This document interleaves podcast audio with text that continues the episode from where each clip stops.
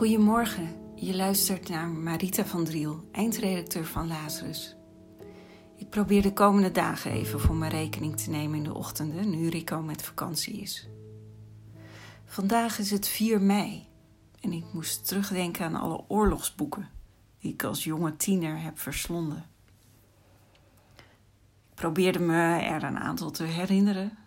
Snuf de hond, Reis door de nacht, Engeland vaarders, oorlogswinter en nog later het meisje met het rode haar, de aanslag, het achterhuis en de schuilplaats natuurlijk. En ik stelde me toen voor hoe het was om Joodse mensen te moeten verbergen met gevaar voor eigen leven. Waar in ons huis dat dan zou moeten. En hoe het was om illegaal naar de radio te luisteren, op bonnen te roven. Dat je niet vanzelfsprekend een goede kans koos, wist ik ook al jong. Ik kwam uit een dorp dat fout was in de oorlog. Mijn opa was dan wel geen NSB'er geweest en schold altijd op de moffen. Echte heldendaden had hij ook niet verricht. Althans, daar heb ik hem nooit over gehoord.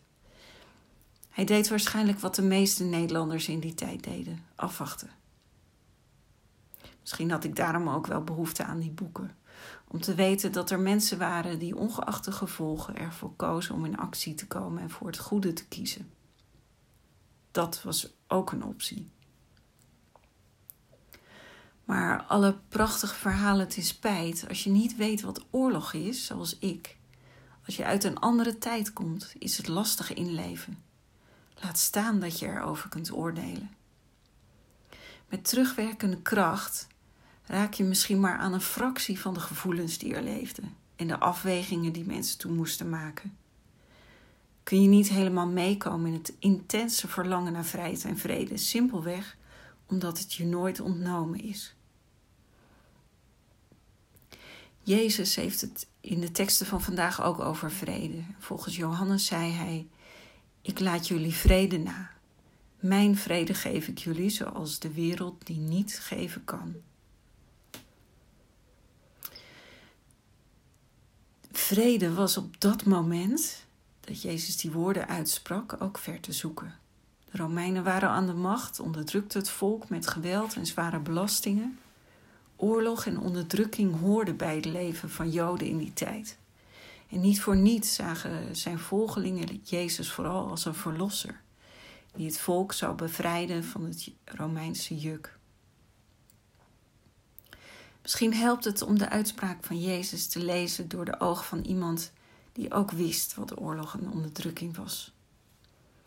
Dietrich Bonhoeffer, de Duitse predikantenverzetstrijder, schreef over vrede: Er is geen weg naar vrede op weg naar veiligheid.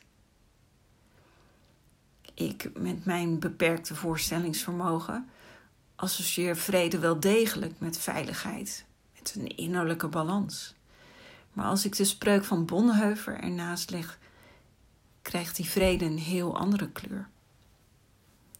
Dan lees ik in Jezus' woorden een ernstige les om vrede niet te halen uit veiligheid en zekerheid, maar om een andere bron van vrede te vinden, die boven alle aardse vrede uitstijgt. Bonhoeffer heeft dat begrepen. Dat blijkt uit wat hij schrijft. Ik vond dit prachtige morgengebed dat hij schreef in de gevangenis in 1943. En dit is een gedeelte eruit. In mij is het donker, maar bij u is er licht. Ik ben eenzaam, maar u laat mij niet in de steek. Ik ben angstig, maar u steunt mij. In mij is onrust, maar bij u is er vrede.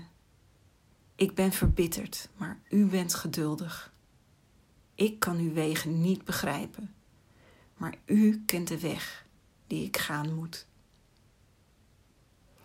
Ik wens je op deze 4 mei, de dag van dodenherdenking, vrede en alle goeds.